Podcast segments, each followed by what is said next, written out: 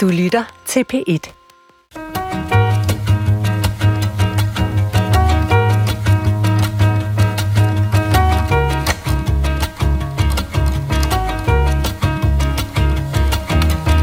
Dem, der tjener mere og afleverer meget, og nu afleverer lidt mindre, ja, de afleverer så mere mindre, end dem, der tjener lidt mindre og afleverer mindre, men altså så afleverer mindre mindre. Hvor nøjagtigt kan vi tale om økonomi? Er vi alle enige om, hvad vi taler om, hvis vi bruger udtryk som skattetryk, råderum, velstand og offentligt forbrug? Mange farer vild i det økonomiske sprog, og hvorfor de gør det, og hvad det betyder, og hvad man kan gøre ved det, er hvad dagens udsendelse handler om. For du har stillet ind på Klog på Sprog, stedet hvor vi kigger sproget efter i sømne og ser efter, om der gemmer sig krummer af betydninger, som vi ikke er opmærksomme på til daglig. Og jeg er selskab af tre gæster, som kan fortælle mig mere om det sprog, vi bruger om økonomi. Min første er kan med i moderne kultur og kulturformidling, feministisk aktivist og foredragsholder, blandt andet om feministisk økonomi. Velkommen til dig, Emma Holten. Tak. Emma, du er jo ikke, som jeg lige sagde før, ikke uddannet inden for hverken national eller virksomhedsøkonomi. Altså, hvorfor blander du dig i diskussionen om, hvordan penge skifter hænder mellem mennesker? Jeg tror, jeg har været interesseret i økonomi faktisk siden finanskrisen, siden inden jeg var interesseret i feminisme. Øhm, og den del af økonomien, som jeg er interesseret i, det er faktisk økonomiens rolle i vores kultur. Og på litteraturvidenskab, for det ikke skal være løgn, tog jeg også kurser i finanskrisens afspejling i litteraturen. Jeg skrev speciale om finanskrisen i litteraturen og i poesien. Så jeg har været interesseret i finansialisering af økonomien i lang tid. Men jeg føler også, at hvis du interesserer dig for ligestilling, så er du nødt til at interessere dig for penge. Fordi penge spiller en kæmpe rolle i, hvordan vi organiserer os, hvordan vi bor, hvordan vi lever, hvordan vi arbejder. Og det er også det, feminismen interesserer sig for. Så jeg tror for mig, der handler økonomi altså om samfundet. Så det okay. er for, også for mig at spørge, om, hvorfor du interesserer dig for økonomi. Det er ligesom at sige, hvorfor interesserer du dig for samfundet? Hvorfor trækker du vejret overhovedet? Ja, hvorfor står du op om morgenen? Og det er også et godt spørgsmål. okay. Min anden gæst er vært for podcasten Bag om nyhederne, øh, som for nyligt øh, udkom med afsnittet Uddanner vi for mange humanister? Men flere kender ham nok som direktør for den borgerligt liberale tænketank. Cepos, velkommen til dig, Martin Overup. Tak. Martin, øh, du er jo uddannet i nationaløkonomi, altså du er faktisk sådan set uddannet nationaløkonom, vil man sige. Ikke? Vil du sige, at økonomi er så eksakt en videnskab, at hvis regeringen eller lad os sige, Nationalbanken gjorde et, så vil man kunne sige, hvad der bliver resultatet af det, og så sker der noget andet? Øh, I nogle situationer ja. Forstået på den måde, at vi kan sige en hel del om retningen. Altså, øh, hvis man sender flere penge ud i økonomien, så vil der komme noget inflation. Og så kommer også selvfølgelig det der alt andet lige ind, øh, fordi okay. der kan godt ske noget, der gør, at der ikke kommer inflation. Men det kan vi også forklare, hvorfor det så ikke kommer. Men lad os lige prøve at tage den med det samme, Martin. Altså, hvorfor, når man pumper flere penge ud i en økonomi, begynder tingene at blive dyrere? Hvad, hvad er årsagssammenhængen i det? Jamen, hvis folk får flere penge mellem hænderne, men der er ikke kommet flere varer, øh, så øh, vil konkurrencen om at få fat i de varer stige, og så vil øh, reaktionen være, at priserne vil stige. Altså, pengene vil simpelthen ligge mere løst i borgernes lommer, kan man sige. De er parat til at give mere for en vare, end de var for en uge siden. Ja, og okay. det er lige præcis det, der så kan ske. Det er, hvis der er en krisestemning, så holder folk alligevel på pengene, selvom der kommer flere penge ud i økonomien. Og så er det ikke sikkert, det fører til inflation. Ja. Og nu er du i gang med det der alt andet lige. jo, men, men det er jo reelt nok, fordi samfundet er jo komplekst. Ja, okay. Fuld af det... exogene chok. Ja, men det er det selvfølgelig. Min sidste gæst er her for at afstemme den sproglige kassebog, kan vi sige, og sørge for, at vi får sat de rette røde og sorte streger under de sproglige mellemregninger, vi øh, løber på undervejs. Hun er seniorforsker ved Dansk Sprognævn og lyder navnet Eva Skafte Jensen. Velkommen til, Eva. Mange tak. Eva Skafte Jensen, skal vi ikke ligesom en begyndelse få styr på, altså selve det her ord, økonomi, hvad ja. betyder det? Hvor kommer det fra? Det kommer fra græsk, og det er sammensat af to ord, oikos, som betyder hus, og nomos, som betyder lov eller regel. Og det har man så, så i gamle, gamle dage, der var økonomi det, at man ligesom holdt hus, altså man holdt styr på sine penge, altså på sin husholdning. Ja. Så det er faktisk, ja. øh, der ligger sådan set et normsæt i økonomi. Altså øh, en ordentlig økonomi, det er at have styr på sit hus, ja, hvis man, man skal sige. gå ja. helt tilbage ja. til... Ja Har I andre nogensinde tænkt over det, at, det her, at, man, at, man ligesom, at der ligger muligvis sådan noget moralsk i at have styr på sin økonomi? Hvad siger du til det, Emma? Ja, helt sikkert. Altså jeg tænker, at for eksempel, hvis man ser på den kollektive reaktion på et program som Luksusfælden, altså mennesker, som øh, ikke er i stand til at styre deres økonomi, så er det jo moralsk fordømmelse. Altså det er på en måde et etisk skred, når et menneske ikke er i stand til at styre sin økonomi, så er de ikke bare en byrde for sig selv, men de er også en byrde for alle os andre. Okay. Jeg tror, vi vender tilbage til Luksusfælden lidt senere, Emma, fordi det er en meget akut øh, betragtning, du kommer med der. Meget nøjagtigt. Mit navn er Adrian Hughes, og jeg er jo i den heldige situation, at jeg har simpelthen uddelegeret alle de væsentligste økonomiske beslutninger af mit liv til min mand, så øh, den næste times tid kan jo næsten ikke undgå at være det, der hedder en stejl indlæringskurve for mig, og med det siger jeg så velkommen til Klog på Sprog.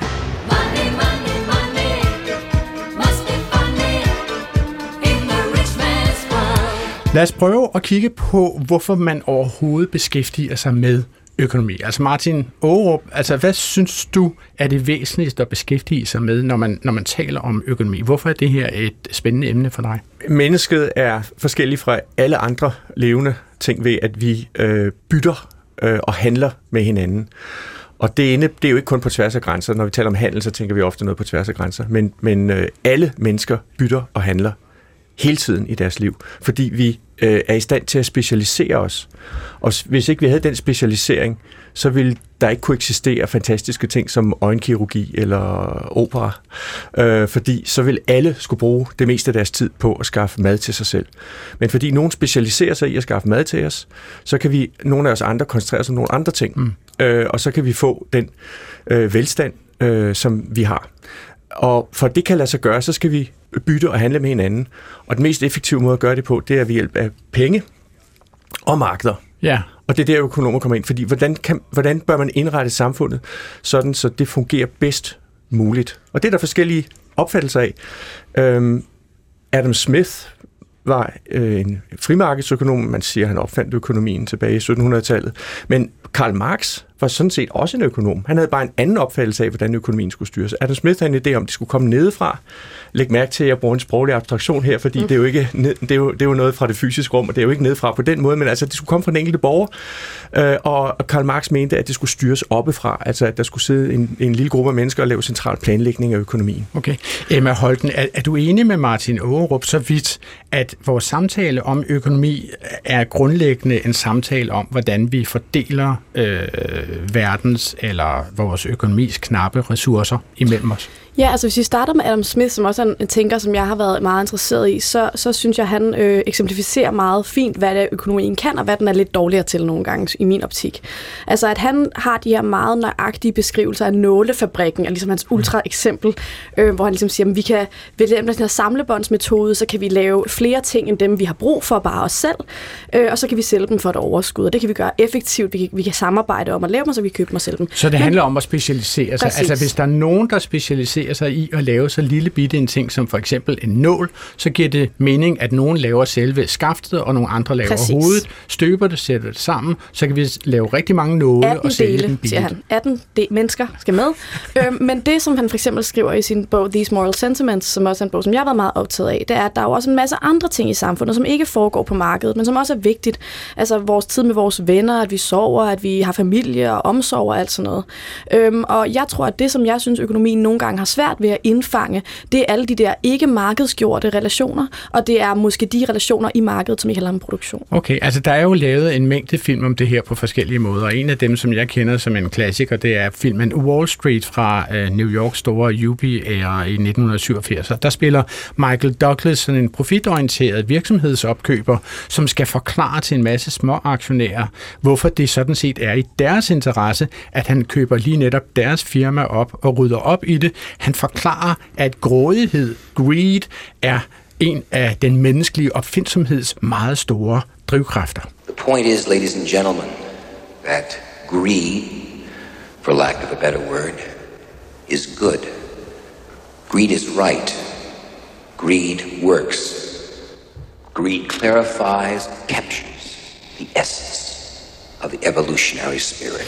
Martin Aarup, det her det er jo et meget gammelt klip, kan man roligt sige, ikke? og vi har jo både haft finanskrise og meget andet siden da. Altså vil du grundlæggende mene, at den private foretagsomhed, og muligvis også grådigheden, der ligger bag, er en effektiv drivkraft til at fremme større velstand for alle. Ja, nu er vi jo inde i det her med, med sproget og ordene. Fordi han vælger ordet greed, grådighed, ja. Ja. men han siger også for lack of a better word. Ja. Øh, og jeg synes, der er bedre ord. Øh, man, okay, hvad, hvad er så det bedre altså, ord? Egeninteressen. Am, am, ambitioner. Ambitioner. Øh, det skulle han hellere have sagt. Ambition, jamen, for lack of a better word. Jamen, prøv, prøv at høre. Vi, vi mennesker er, er jo... Der han er jo ret på den måde. Jeg synes, han bruger et, et uh, unødigt provokerende ord, men han er jo ret på den måde, at hvis vi mennesker ikke havde ambitioner, hvad skulle vi så leve for? Altså hele livets formål er jo, øh, at vi er ambitiøse. Vi vil gerne møde mennesker, som er spændende. Vi vil gerne være i et parforhold, der fungerer. Det er jo ambitioner.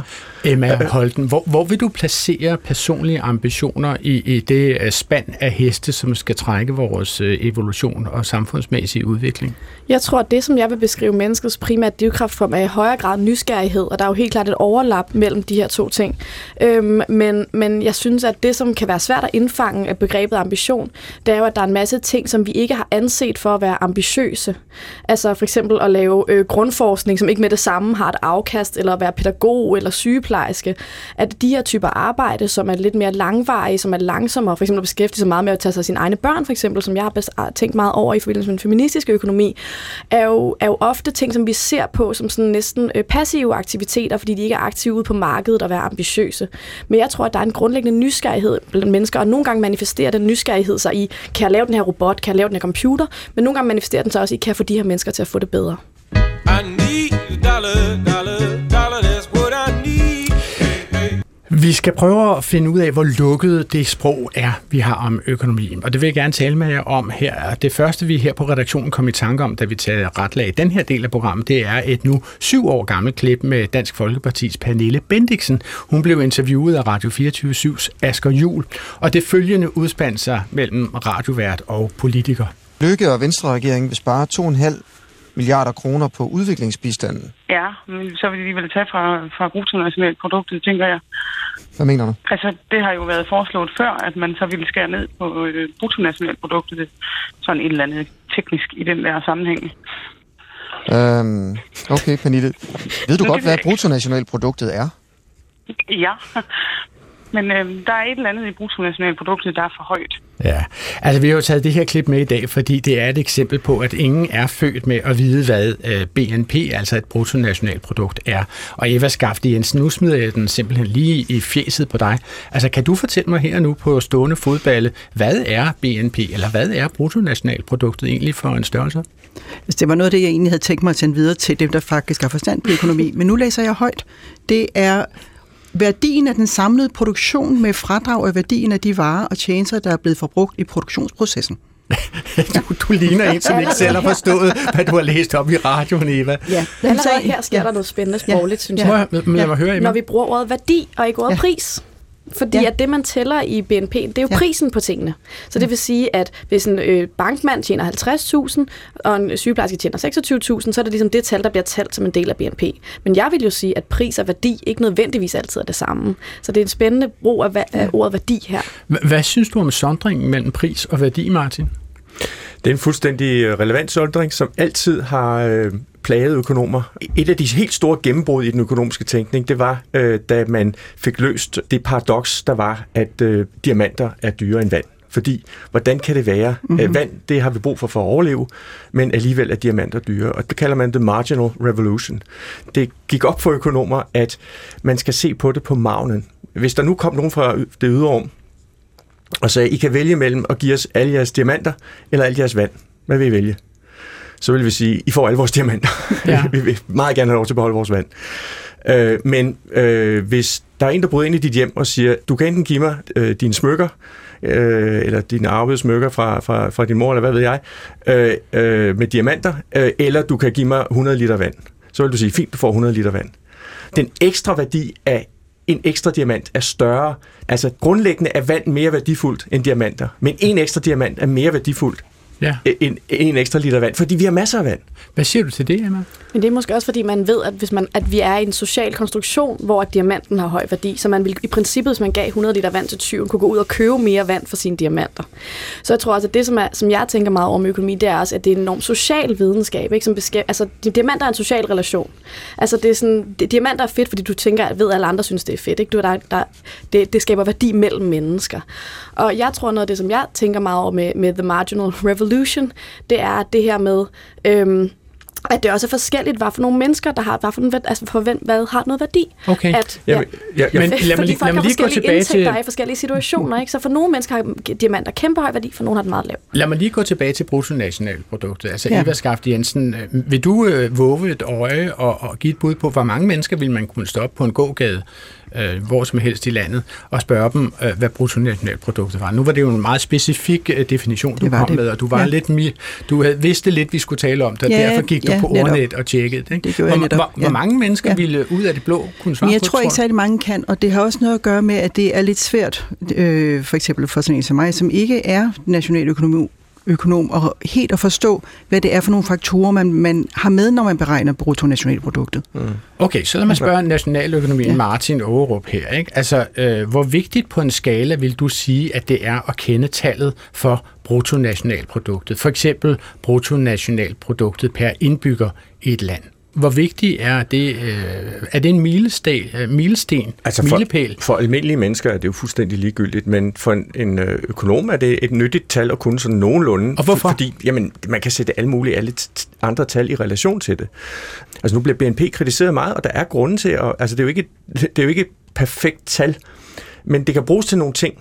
Hvis og man det, og det er kiggede på- faktisk sådan, hvis nu, nu nævner du BNP per indbygger, det er faktisk sådan, hvis man går ind og slår op, hvad er BNP per indbygger i et eller andet land, og man, man får ikke at vide, hvad det er for et land, øh, så vil man, når man kan se, at det her det er det halve af det danske, så kan man faktisk godt regne med, at hvis man tog til det land så vil, og kiggede rundt på gaden, så ville man godt kunne se, ja, det er faktisk rigtigt. Jeg kan godt se, at det her land det er fattigere end Danmark.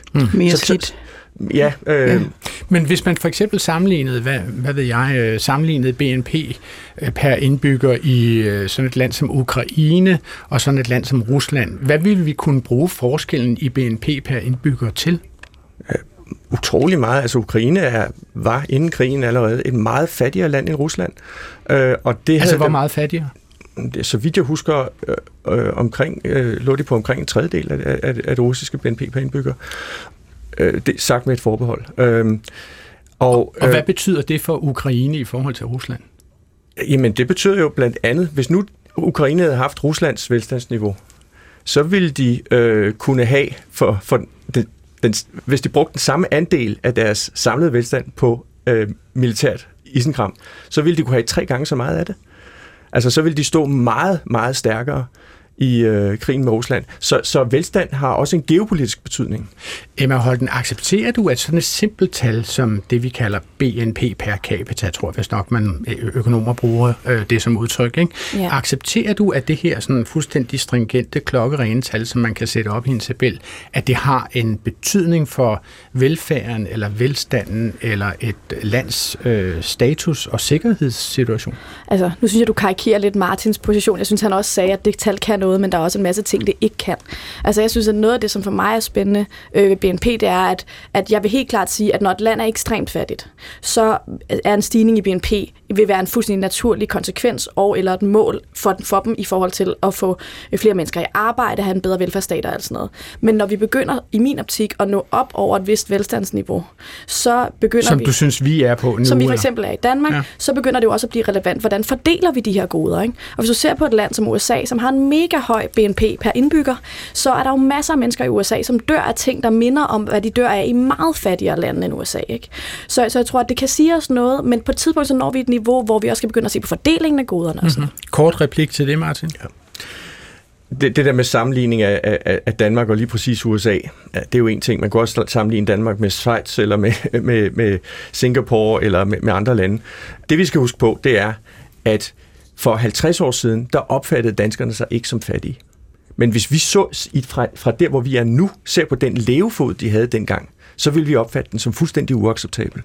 i forhold til den levefod, vi har i dag. Men vi sammenlignede os med resten af verden og syntes dengang for Ja. ja. 60 år siden, Ja. at det kørte meget godt for os. Og det skal vi huske, fordi øh, vi kan sagtens beslutte os for, at lige præcis her nu, øh, der har vi nået det velstandsniveau, der er brug for. Men øh, vi kan ikke forestille os, hvad folk om 50 eller 100 år vil, vil kigge tilbage på os på, og nå frem til, at øh, hold op, tænk, at de ikke var i stand til at leve for eksempel 150 år, eller tænk, at der var mennesker, der døde af kræft. Tænk, at dengang. de ikke kører de flyvende biler. Lige præcis. Helt mærkeligt. Dem venter Øh. vi stadig på. Og nu spørgsmål fra lytterne. Eva Skafte Jensen, vi har fået en række spørgsmål om økonomi fra en af det her programs allerstørste fans og allermest trofaste lyttere, nemlig øh, mig selv. Øh, for der skal jo være enkelte fordele ved at være vært det på et sprog. Jo, det er det lidt, men der skal simpelthen være enkelte fordele ved at være vært på et fundet på et sprogprogram. fake navn, Badrian Huse. Ja, ja.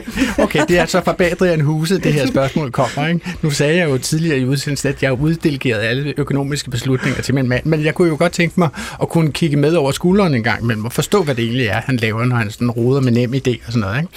Altså, et spørgsmål. Netto og brutto. Ja. Altså, hvad Ja. skal jeg bruge det til? Altså, sidste gang jeg tjekkede, så var netto, ordet netto, det var jo altså, noget med en gul hund. Ja. Jamen, det spiller de jo på, fordi netto er det, som er tilbage, når alt det andet er skrællet fra. Altså brutto og netto, det er det hele over for en del. Og Hvad er det, man skræller fra- når man går fra nu- brutto til netto? hvis man nu tager mig som eksempel som lønmodtager, så er brutto det, det koster min arbejdsgiver at have mig gående. Men netto er det, jeg får. Altså, fordi der er også noget, der går ind på min pensionskonto, der er noget arbejdsmarkedsbidrag, og der er noget forskelligt andet, som... Og dit hæve-sænkebord koster også noget.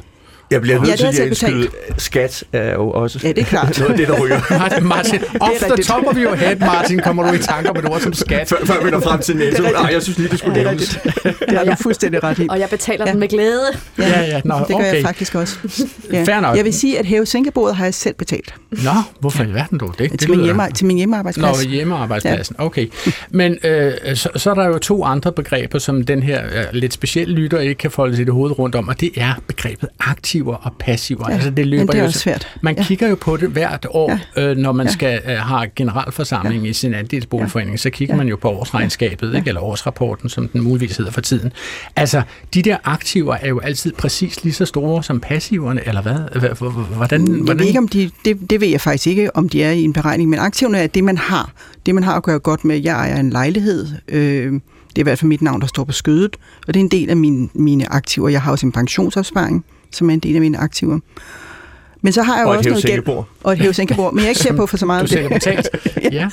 Så har jeg, men jeg har også noget gæld, fordi jeg ejer ikke, jeg har ikke betalt den lejlighed fuldt ud. Og øh, den gæld, jeg skylder i lejligheden, det er, det er så mine passiver. Så hvis man vil finde ud af, hvor meget jeg er værd, så skal man holde de to tal op mod hinanden. Så skal man se på dit aktiv og din passiv ja. Ja. og sige, at Ja. forskellen mellem aktiverne og passiverne, det er, hvad du er værd. Og så skal der gerne på en eller anden led gå være, være en balance mellem de to, når man kigger på de nederste linjer. Eller helst ja. noget i din favør. Ja, det er klart. Øh, øh, ja. ja, okay. Og så den samme trofaste, meget trofaste lytter skriver også om begreberne øh, debit og kredit. Mm-hmm. Mhm. Han skriver, altså hver gang jeg skal købe mig adgang til en hjemmeside med klausuleret voksent indhold, så beder den om mit, undskyld, så beder den om mit kortnummer. Og jeg kan aldrig huske, om det er et debit eller et kreditkort, jeg har. Altså, hvad er forskellen på et debit og kreditkort? Kan du forklare mig det, Eva? Ja, jeg har, jeg har et dankort, og det er et debitkort. Det betyder, at jeg har det trækker, det, du har direkte adgang til min konto, og jeg kan trække de penge, der står der. Der er også knyttet et visakort til det, og det er et kreditkort. Så, hvis, så, jeg kan faktisk, så jeg kan faktisk også opnå kredit. Jeg kan simpelthen låne penge i banken ved at bruge det kort. Sådan, så hvis jeg pludselig beslutter mig for det, så kan jeg øh, vise mig så kreditværdig, at jeg kan trække penge fra banken. Okay. Låne pengebanken. Okay. Og det sidste, det, det her programs aller ivrigste lytter spørger om, det er det, som nogen kalder det dobbelte bogholderi. Altså nogen mener jo, at det er en særlig fordækt måde at føre regnskab på, hvis en del af forretningen har sorte indtægter og udgifter. Men altså, jeg er, har, mener, jeg engang har lært et eller andet sted, at det skulle være opfundet som en decideret regnskabsmetode i den italienske bankverden en gang i midten af middelalderen, 1300-tallet eller sådan noget. Ja, øh, jeg ved ikke, jeg kan, det er meget muligt, at historien er rigtig. Det har jeg ikke mulighed for at, at tjekke, men det er fuldstændig rigtigt, at dobbeltbogholderi egentlig er en meget nøgtern måde at beskrive en bestemt regnskabsmetode på, hvor alting bliver bogført to gange. Så der er ikke noget kriminelt ved at sige ordet dobbelt bogholderi, eller hvad, Martin? Nej, på ingen måde. Det var en, altså, der er nogle økonomiske historikere, der mener, at det faktisk var en ret afgørende opfindelse for at uh, kunne skabe et uh, velstående samfund. Fordi, at man var i stand til at læse en kassebog, eller hvad? Uh, uh, at man bliver i stand til at forstå, hvordan en virksomhed uh, fungerer. Øh, altså også som ekstern kan man komme direkte ind og kigge på bøgerne og få et overblik over den. Okay, og det var altså svar til Adrian L. Hughes, som ilede videre med at rose programmet og hvad han omtaler som det meget livlige og velformulerede vært. Ja, der kan man bare se. I dit korte liv er hvert time død. Hvert sekund et dyr sekund. For nu skal vi tale om, at der findes et objektivt sprog for økonomi. Altså, og der vil jeg gerne sådan bore mig ind i de helt konkrete ord og vendinger. Nu talte vi jo både om pris og om værdi lige før, men der er jo sådan et ord som skattetryk. Ikke? Martin Aarup, når man samtidig hører dig og dine kolleger og kolleger fra Cepos øh, og også andre for den sags skyld tale om skattetrykket, så lyder det jo lidt som sådan et låg, som man bliver trykket ned af. Øhm, kunne det for eksempel give mening at kalde skattetryk for, hvad kan man finde på, altså øh, velfærdsbidrag i stedet for? Nej, fordi ska- skattetrykket øh, er jo den anden side af en medalje. Øh, den ene side af medaljen, det er, at man kan få en masse skatteyderfinansierede øh, ydelser og øh, have gavn af det i, øh, i velfærdsstaten. Er det de ydelser, øh, man vil kalde gratisydelser? Jeg vil kalde det skatteyderfinansierede ydelser, fordi intet værd er gratis. Øhm, Nå, den skulle men, lige men, med. Men så, men så, har, du, har du det tatoveret? men, men, men så, øh, så vil jeg... Jeg er jo trods alt økonom. Ja. Øh, men, men, men så er der den anden side af den medalje. Nu kaldte jeg det ikke engang bagsiden med vilje. Den anden side af den medalje, det er jo, at det koster noget. Øh, så det ligger jo fuldstændig reelt i at diskutere det her og sige, at der på den ene side er der nogle gevinster, og på den anden side, så er der altså også et skattetryk. Det, det, det tynger faktisk borgerne at skulle betale den skat. Og det kan man... godt være, at man synes, at det ikke tynger, øh, nu begynder man måske næsten at lyde som lykke, men den øh, mængde med hvilket det tynger, øh, fint opvejes af, at man så får de gratisydelser. Det er jo en politisk vurdering, hmm. men det ændrer ikke på, at begge sider af, af vægten skal opgøres. Okay, men når du siger skattetryk, eller man taler om skattetryk, hvor meget er involveret, hvor meget er inkluderet i begrebet i udsagnet, ordet skattetryk? Hvor meget er det, er det bare det, vi betaler i skat hver måned, eller er det for... Ja, når jeg kigger på min lønseddel, så ja. kan jeg se, at jeg, der er noget, der hedder arbejdsmarkedsbidrag, for mm. eksempel. Mm. Det er jo også allerede det er okay. der et ord, som ja. er et bidrag. Altså, men, hvad, hvad du, mere ligger ikke, der? Man kan ikke beregne et individuelt øh, skattetryk som eller det vil man ikke kalde skattetryk. Skattetrykket, det er for samfundet. Og øh, det er også noget, der kan beregnes på forskellige måder, alt efter hvad det egentlig er, man gerne vil bevise. Men det, men, men, øh, det er altså, hvor meget der samlet bliver betalt i skatter og afgifter, holdt over for, hvor meget øh, velstand, der samlet bliver skabt i samfundet. Mm. Altså borgerne skaber en vis mængde velstand, hvor meget af det bliver betalt ind i skatter og afgifter. Og i afgifter og hvis... taler du så også om moms, går jeg ud fra? Ja, eller? ja. Hvis der skulle være sådan noget. Ja, ja, det er det, er, det, er det samlede, hvad, hvad borgerne i, i, i det danske samfund betaler. Så der er en tæller og en nævner, og hvis skattetrykket er 46, så er det altså 46 procent af den samlede værdi, der bliver skabt i samfundet, der bliver betalt skatte og afgifter. Opfatter du ordet skattetryk som øh, relativt neutralt eller objektivt? Øhm, altså jeg føler, det er et ord, som har floreret i vores samfund så længe, så jeg føler godt, at man kan tale om det som, som noget, som, vi, som jeg også som en person, som er lidt som er til venstre for midten, eller hvad man skal sige, også godt ville kunne sige. Men, men jeg opfatter ikke min skat som et tryk. Øhm, og jeg tror, at noget af det, som, som jeg synes, øh, eller som jeg i hvert fald er kritisk overfor i mit foredrag, øhm, det er det her med, at det er relativt nemt for en økonom at regne ud, hvor meget skat vi betaler, altså selve trykket. Men det, der er rigtig svært at regne ud, det er værdien af det, vi får tilbage. Altså, mm. øh, for eksempel, øh, et eksempel, jeg bruger, det er, at jeg er kronisk syg, ikke? Øh, så når jeg bliver meget syg, jeg lider af colitis ulcerosa. Når jeg er meget syg, så bliver jeg indlagt, og så bliver der brugt skattepenge på at gøre mig rask igen, ikke? Og det vil sige, at det, at jeg står her, men også at jeg står på et foredragsscene og får et honorar, det er jo en af, det er jo en afledt værdiskabelse, som velfærdsstaten har skabt, som I har været med til at skabe. Så, I, så jeg er faktisk med til at betale tilbage for den værdi, I har skabt. Det, der bare er problemet for mange økonomer, det er, at det er enormt svært at regne den præcise værdi og produktivitet i den offentlige sektor ud. Både fordi den er meget langsigtet, som man kalder det, den er meget arbejdsintensiv, det vil sige, det er meget menneske til menneske, men den er også sådan øh, immateriel og kompleks. Det er svært at sætte en nøjagtig pris på en sygeplejerske. Jeg var indlagt sidst i 19, nu står jeg her i 2023 og har ikke været indlagt siden, fordi de gjorde et skide godt stykke arbejde. Ikke? Og jeg tror, det er det, som tit bliver mit problem, det er, at vi, at, vi, at øh, nu bruger du selv medaljen som eksempel, at der er øh, en del af medaljen, som økonomer er enormt dygtige til, det er udgiften, når prisen, men hvad, den reelle værdiskabelse af investeringen er enormt svær at regne ud. Det er en enormt, komple- et enormt komplekst regnestykke, det siger Finansministeriet også selv. Ikke? Og, og det, jeg tror, det er der, jeg føler, at der, jeg får rigtig meget for pengene, og du måske føler, at vi får lidt for lidt. Martin? Nu talte Emma før om at værdien af diamanter er en social konstruktion. Det er jeg fuldstændig enig i, at det er. Og det er jo sådan set det, der er problemets kerne her. Det er en af de ting, økonomer beskæftiger sig med. Hvordan kan man finde ud af, hvilken værdi øh, noget har? Og grunden til, at økonomer godt kan lide at anvende den pris, den ting eller serviceydelse øh, koster på et marked, det er, at, at det, prisen er jo udtryk for, hvad folk er villige til at betale, når de skal tage penge op af deres egen lomme. Hmm. Så vi taler her Hvorimod, om købsvilje. Ja, Hvorimod, hvis de får en gratisydelse, som du kalder det, øh, så, øh, øh, så hvis de ikke tager penge op af egen lomme, så kan man sige, at det er fint, jeg får den ydelse. De ved ikke engang selv, hvad den koster.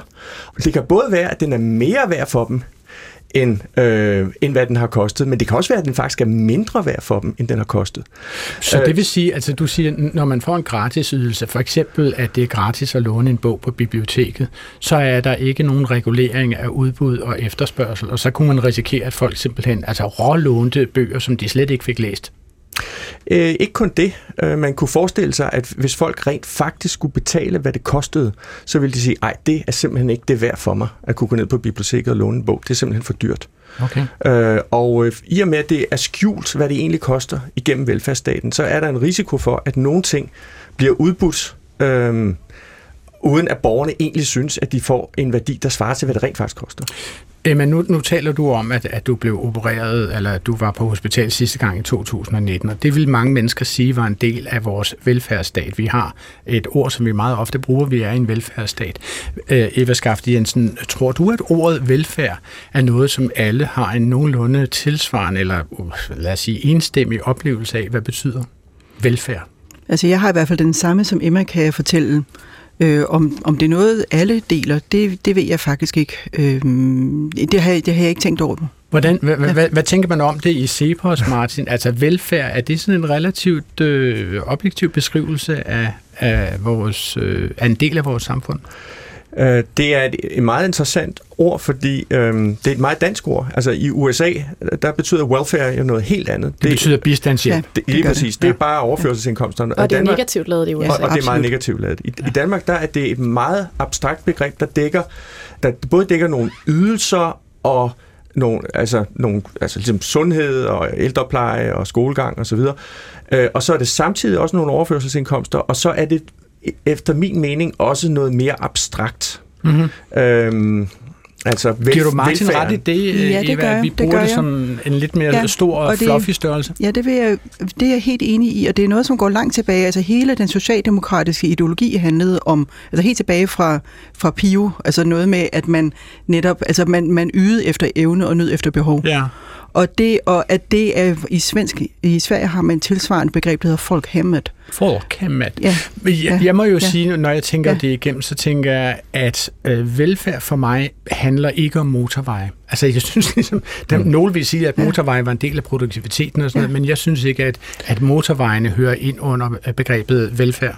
Jeg tror faktisk, på en måde kan man godt sige, at det velfærd er laver for mig, i min optik, er infrastruktur ja. for samfundet. Altså infrastruktur, det er selvfølgelig øh, veje, men det er også mennesker. Og noget af det, som vi for eksempel i den feministiske økonomi interesserer os for, det er vedligeholdet af arbejdsstyrken og vedligeholdet af, af borgerne. Og det er det, som vi gør, som jeg føler, velfærdsstaten gør primært der. Den gør det, og jeg synes, det er synd nogle gange, at vi får den her modsætning mellem det private erhvervsliv og, øh, og velfærden og det offentlige, fordi jeg føler faktisk, at, vel, at det private erhvervsliv har brug for den infrastruktur og den arbejdsstyrke. Mm. Du markerer, Martin. Ja, øh, altså velfærd er et ord, der bringer... Øh, den måde, det forstås på i Danmark, og den tankegang, der sættes ind i, bringer sådan nogen som mig i øh, defensiven, fordi jeg bliver nødt til at gøre opmærksom på, at, øh, at velfærd, den måde, det forstås på abstrakt, også kan være privat velfærd. Altså, det er også velfærd at have råd til selv at gøre nogle ting i sin familie. Ja, og invitere at, sin øh, familie til påskefrokost. Lige eller præcis. Øh, og alle de andre ting, man, man, man kan gøre. Det kunne også være at trække sig tidligere fra, fra arbejdsmarkedet for egne penge. Okay. Øh, så så øh, vi har lidt en opfattelse af, at velfærd, det er, når pengene bliver opkrævet i skat og brugt af politikerne. Jeg vil gerne videre til et ord, som hedder vækst. Altså det er jo et af de ord, som vi hører oftest, og for eksempel har den nye britiske premierminister Rishi Sunak lovet det britiske folk som en af sine fem prioriteter, at han vil vækste økonomien, altså sørge for, at det samlede bruttonationalprodukt, der var den igen, øh, kommer til at vokse. Mener du, Emma Holten, at det er vigtigt, at den samlede økonomiske aktivitet vokser? Og det synes jeg er et svært spørgsmål. Altså, der, det kommer an på, hvad man ønsker at opnå med samfundet. Altså, BNP, som vi ligesom netop sagde, laver jo ikke nogen værdidom. Den tæller simpelthen bare. Så hvis vi for eksempel lavede en massiv investering i psykiatrien, det er sådan noget, som jeg kunne synes var meget vigtigt. Ikke? Der sidder en masse mennesker og venter på psykiatrisk behandling i Danmark. Øhm, så ville det selvfølgelig øge BNP.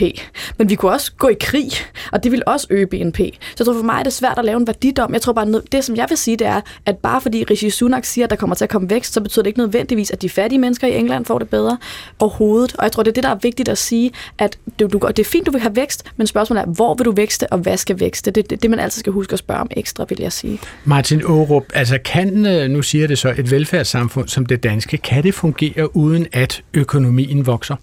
Hvad vil du sige til det? Øhm, det tror jeg faktisk ikke. Det er svært at vide, fordi vi har haft økonomisk vækst i meget lang tid. Øh, Øh, så ja, det er i hvert fald 100 år. Ikke? Så det er omtaler er stort set en økonomisk situation, som, som moderne økonomer ikke har nogen erfaring med. Altså det, vi har haft det i kortere perioder jo. Der findes jo, øh, der har været tider, hvor der har været krise, og hvor 80'erne og 2008 finanskrisen. Lige præcis, og hvor der også går lidt tilbage nogle år. Og det vi kan se ske, det er, at folk bliver voldsomt utilfredse, når der ikke er vækst i økonomien. Og øh, reagerer ofte på måder, som øh, på længere sigt kan være en, en, en trussel for vores øh, velfungerende liberale demokrati. Så, så alene af den politiske grund, øh, mener jeg, at økonomisk vækst er en vigtig ting. Men der er også andre grunde. Emma? Hvis vi snakker om relationen mellem økonomisk vækst og hvad skal man sige, discontent i befolkningen, så tror jeg også, det er vigtigt at sige, at folk reagerer jo også på ulighed. Altså for eksempel, hvis du ser på, øh, vi har haft det i USA, nu kommer der mange økonomiske ord, der hedder quantitative easing, og det har vi også haft i Europa, som har meget lave renter, har vi haft i USA de sidste mange, mange år. Men mange af de penge, som er blevet pumpet ud i samfundet, har tilfaldet toppen af samfundet og ikke bunden af samfundet. Og derfor synes jeg, at der er meget enig, at når vi ser en stigende ulighed i et samfund, så kan det skabe for eksempel fascistoide tendenser, antiautoritære tendenser, som vi har set det i USA. USA. Øhm, så jeg tror, at, jeg tror nemlig, at det er vigtigt at sige, at vi kan sagtens have vækst samtidig med, at vi har en stigende ulighed. Så vi har også haft stigende ulighed i Danmark de sidste 10 år. Øhm, og uh, det er noget, vi har diskuteret før mig og Martin. Men, øhm, men, men jeg tror bare sådan at, at sige, det er bare vigtigt det der med, at man siger, at, vi, at vækst i BNP, det er et tal, som siger os noget om, hvor meget der bliver købt og solgt. Det siger os ikke noget om, hvordan pengene er fordelt. Og det tror jeg, det er det centrale at sige. Så, og jeg synes, det ville være meget spændende efterhånden at se, skulle vi, og det er noget, som mit foredrag handler om, skulle vi måske se på at få mere af nogle goder, som ikke har en pris. For eksempel fritid, mere tid med vores venner. Eller sådan noget.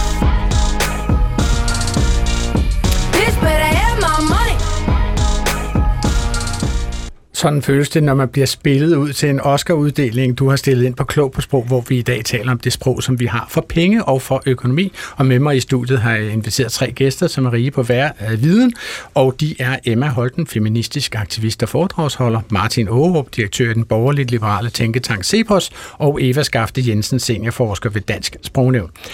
Eva Skafte Jensen, øh, vi har et lytterspørgsmål, som jeg gerne vil give dig. Det kommer fra, denne gang fra en vaskeægte levende og i, ude i virkeligheden eksisterende lytter. Ikke en studievært. Nej, for eksempel ikke en kendt studievært fra et dansk sprogprogram. Det er fra Agoston øh, Gila Sabo, tror jeg. Han skriver til os fra Humlebæk.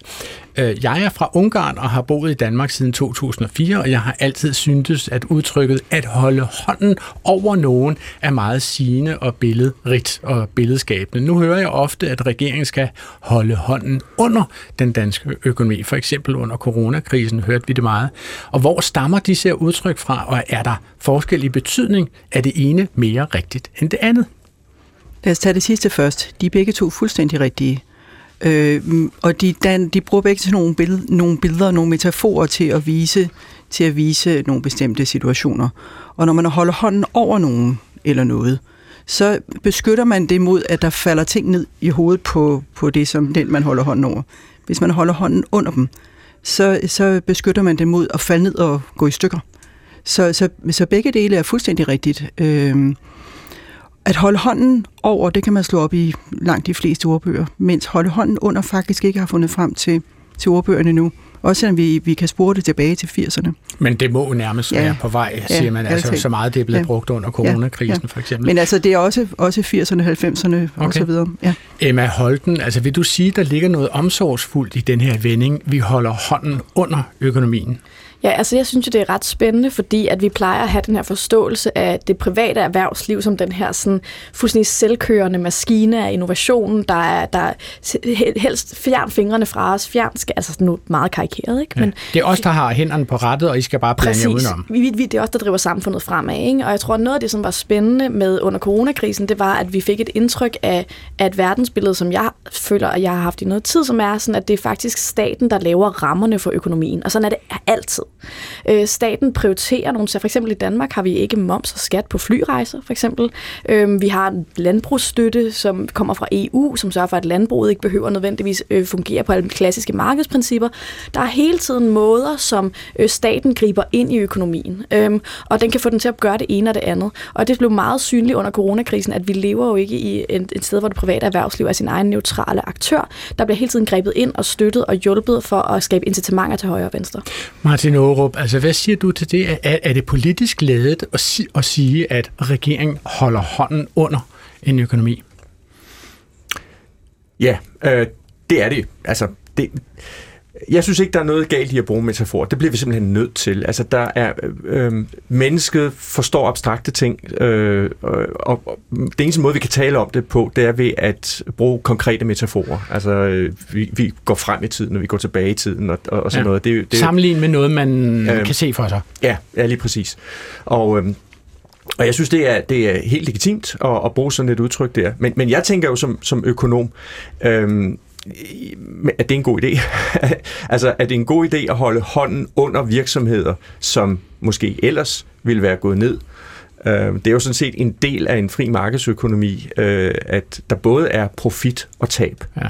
Men nu er vi vel enige om, at det er jo ikke rimeligt, lidt... hvis man socialiserer øh, øh, tabene. Men det var vel lidt en speciel situation under corona, Martin, Jo, jo, eller hvad? Men, men nu taler du om det mere generelt. Ja, okay. Øh, og, øh, det var jo især det, de, det er de, men, ja. men selv under corona er der jo økonomer, der efterfølgende har gjort opmærksom på, at der nok blev holdt liv i nogle virksomheder, som også på det tidspunkt så burde være. Derfor kan man godt argumentere for at gøre det, men det var den negative side af den medalje. Emma? Emma? Men det er en sjov ting, det her med, for eksempel hvis man ser på en situation, som der foregår i Kalifornien lige nu, med noget, der hedder Silicon Valley Bank, hvor at alle øh, iværksætterne, de liberale entreprenører, de har deres penge. Pludselig der er et run på banken, kalder man det, og den crasher, og de mister en masse penge. Og pludselig så synes de, at staten skal komme ind og dække deres underskud. Så jeg synes, nogle gange så er der den der sjove tendens i de, der, øh, miljø, i de miljøer, som når det går godt, så skal staten blande sig udenom, men når det så går dårligt, så skal staten komme med sin store varme hånd og løfte op. Ikke? Okay. Der vil du se, at vi mener altid, at staten skal holde sig ude. Så ja, det er er jo fuldstændig du, enige. Du er er det dejligt at se, hvor enige I er. Ikke? Emma Holten, du nævnte jo tidligere her programmet Luksusfælden, og, ja. og det, det er også et program, som vi har haft uh, blik på. Altså, vi har for eksempel set uh, sidste års sæsonafslutning uh, i, i den serie. Den er jo kørt rigtig mange sæsoner. Den følger jo mennesker med voldsomme problemer i deres privatøkonomi, og så er der to økonomiske eksperter, som undersøger, om de er sådan... Som kommer og giver dem smæk. Ja, ja om de er sådan inden for pædagogisk rækkevidde, vil jeg, vil jeg kalde det. De giver dem i hvert fald økonomisk rådgivning, og så kan sådan noget som det her udspille sig. 110.400 kroner. For 110.400 kroner, det er det, jeres kreditorer de savner hver eneste måned. Vi kan bare grave os ned i en jordhul. Ja, fordi hvad står du med følelsen over, Rosa? Du ser helt fortabt ud, når jeg står og kigger på dig. Ja, vi har jo ikke råd til at leve. Sådan tænker jeg. Hvis ikke der kommer et mirakel, så kan vi jo lige så godt grave os ned, fordi reelt kan vi jo hverken tillade os at have bil eller hund, eller altså i det hele taget kan vi slet ikke tillade os noget som helst. Vi skal bare øh, knokle røven ud af bukserne, og, og når vi så ikke kroppen ikke kan mere, så har kreditorerne fået det, som de nu engang kan, inden, inden vi nåede at blive begravet. Ja, det her det er jo udpræget af godt, det ikke er mig fjernsyn, kan man kalde det. Ikke? Men det sætter jo også ord på, hvordan mange, muligvis alle, taler om gæld. Altså, man har gæld, hvis man har gæld, så skylder man kreditorer penge, men, men skyld er jo også en følelse i det danske sprog, kan man sige. Og hvis man er kristen, så kunne det måske, måske øh, sågar være en synd. Altså, Eva, hvordan vurderer du det her sprogligt set? Det hænger gæld, skyld og skam sammen. Absolut.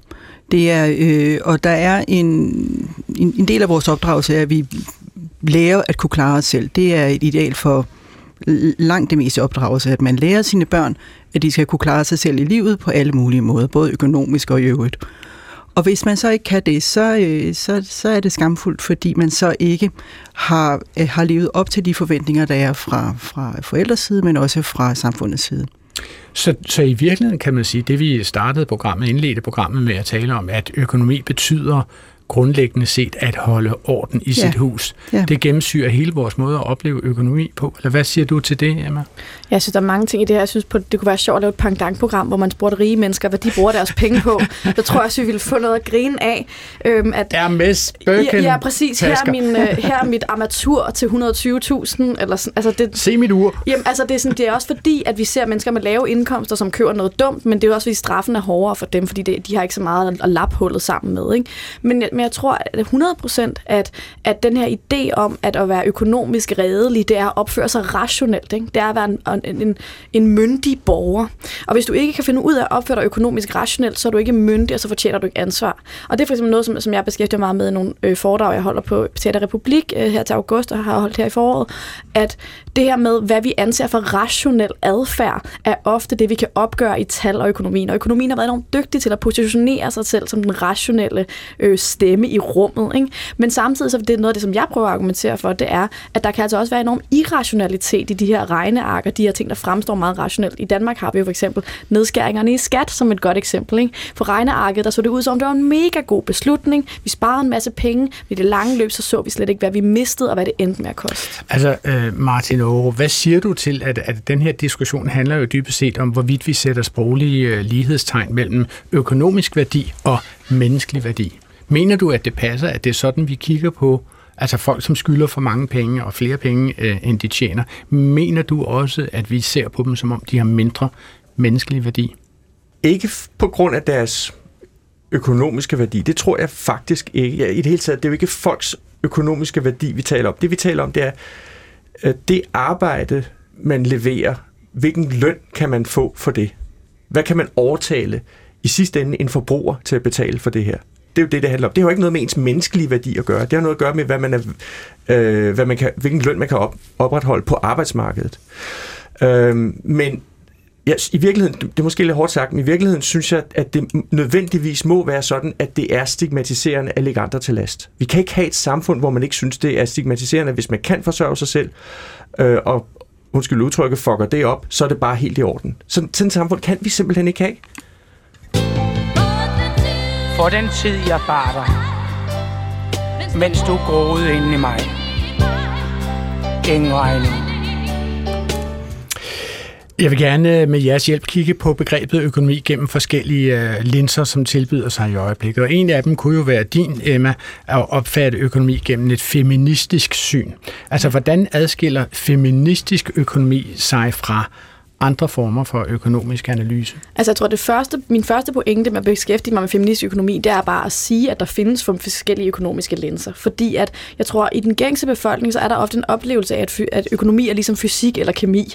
At vi ved præcis, hvis vi hælder noget vand ind her, så kommer det ud ned i bunden, som var det økonomen ja. Reiner Frisch, han lavede sådan nogle ja. vandsystemer, hvor han hældte den ind. Altså det er ligesom er det også med penge, som de fordeler Enten sig rundt. bliver det rødt, eller også bliver det blåt. Præcis, ikke? Og ligesom sige, men prøv at høre her, der er økonomer, som har forskellige øh, verdenssyn, analyser, øh, og, og en af dem, øh, de linser, som jeg så beskæftiger mig med, det er det, som vi kalder feministisk økonomi. Og grunden til, at vi kalder det feministisk, det er fordi, at man beskæftiger sig med de arbejdsområder, hvor kvinder historisk har været overrepræsenteret.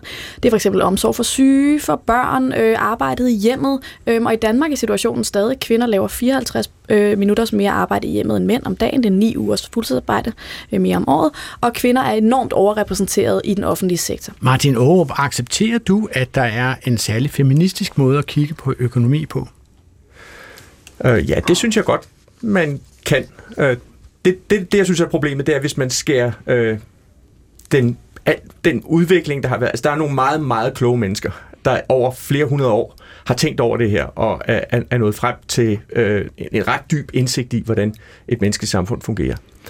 Øh, og øh, det, det, det er en meget skidt idé bare at skære det væk og sige, øh, de er åndssvage, øh, okay. og det er virkelig sådan her, øh, det ser ud. Men er alle det, de det, her det bør, kloge for, det økonomer- bør foregå i en dialog øh, med, med øh, øh, det traditionelle økonomi, hvor man forholder sig til, hvad den rent faktisk siger, og ikke opsætter stråmænd øh, om, om det.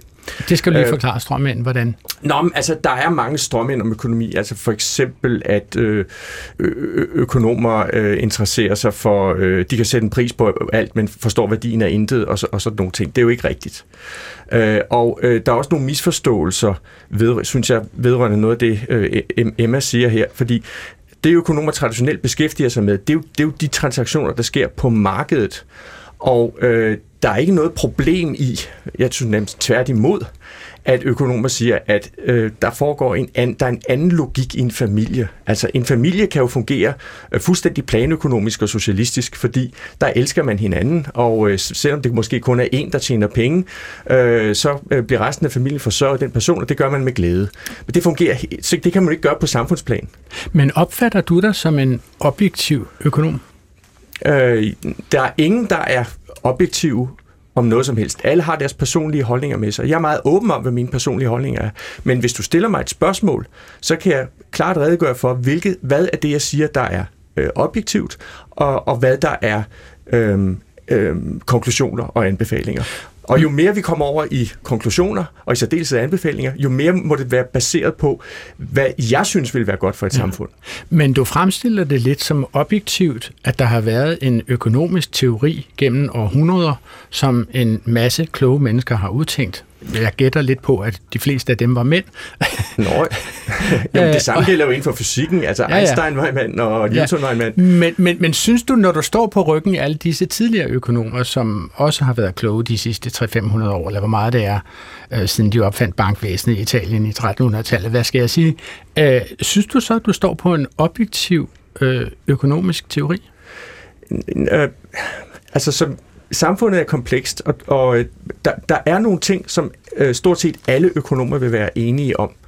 Altså, jeg, jeg lavede en øh, podcast for nylig med Jeppe Drudal, øh, som er en øh, økonom med, med venstreorienterede synspunkter.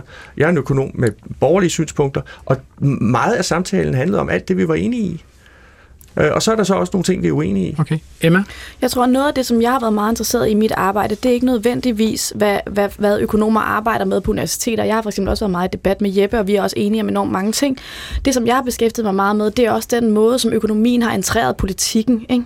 Øhm, og har øh, en fuldstændig unik rolle sammenlignet med alle andre typer videnskab. Altså det, vi har et økonomisk råd, men vi har ikke nogen andre typer råd.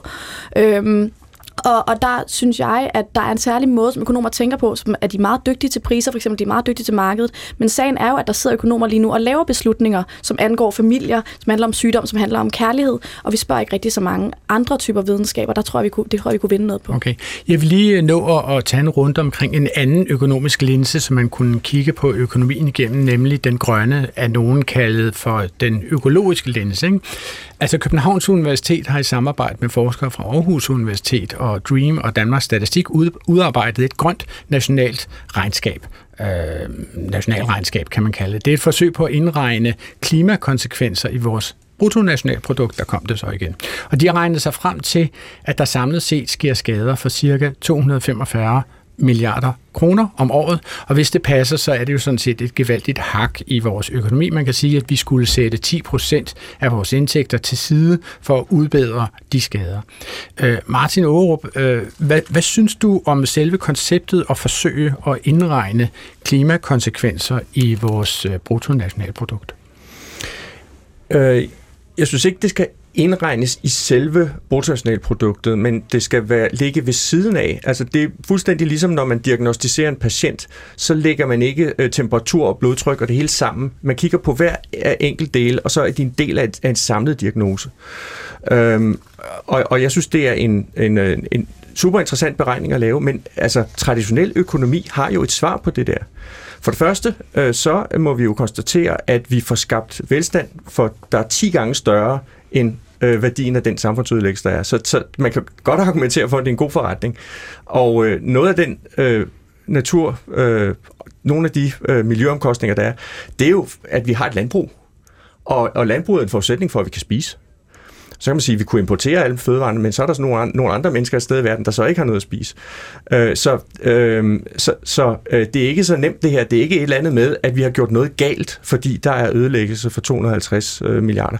Det kan godt være, at der var nogle ting, vi skulle gøre anderledes, men den traditionelle økonomi har et svar på det der, og det er at lægge en, en, øh, en skat på de omkostninger, vi påfører via vores øh, produktion. Altså for eksempel en CO2-afgift, en kvælstofafgift osv. osv., osv.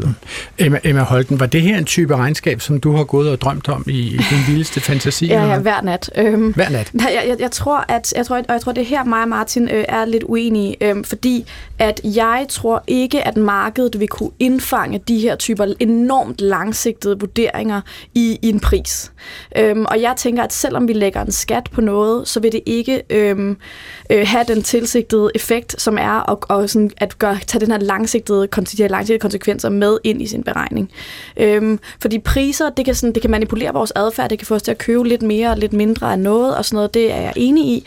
Men jeg tror, at det vi taler om her, det er jo systemisk skade. Så det er ikke bare fordi, at hvis, okay, hvis alle træer af den her skov forsvinder, så er det jo ikke bare fordi, at vi får den pris, som de har været værd. De er også i, en, i et relateret system. De for eksempel, de laver osmose, de udskiller CO2, de gør alle mulige ting. Så jeg tror, at... Det er jo forsøgt medregnet. Og det, men jeg tror, at det, som jeg ofte føler er manglen i økonomien, det er, at den har meget svært ved relationel værdiskabelse. Altså, den er enormt dygtig til at sige, her et træ, her en person, og, og så ser dem som individer. Men når vi ser på den relationelle værdiskabelse, som det her, det her træ og den her fugl i samarbejde, hvad sker der mellem de to? Der bliver det enormt svært at sætte en skat og en pris på, specielt når vi snakker, altså, og det gør vi jo med klima og økonomi, men også med omsorg, 10, 20, 30 år ud i fremtiden. Og det blev sidste ord i Klog på Sprog for i dag. Badetiden er forbi for vores program. Jeg takker skyldigst mine gæster her i studiet. Emma Holten, feministisk aktivist og foredragsholder.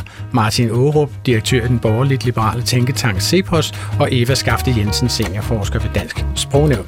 Udsendelsen er tilrettelagt af Isak Stephen McCauley og er Clara Witt, som også stod for teknikken og præsenteret af undertegnet Adrian Hughes, som nok stadigvæk ikke helt forstår det, vi der Spørgsmål når os på klog på sprogsnabelag, DR.dk eller på P1's Facebook-side og lyt til os som podcast på DR Lyd og alle andre podcast-platforme. Her i Flow dukker vi op igen næste fredag op til middagsradioavisen.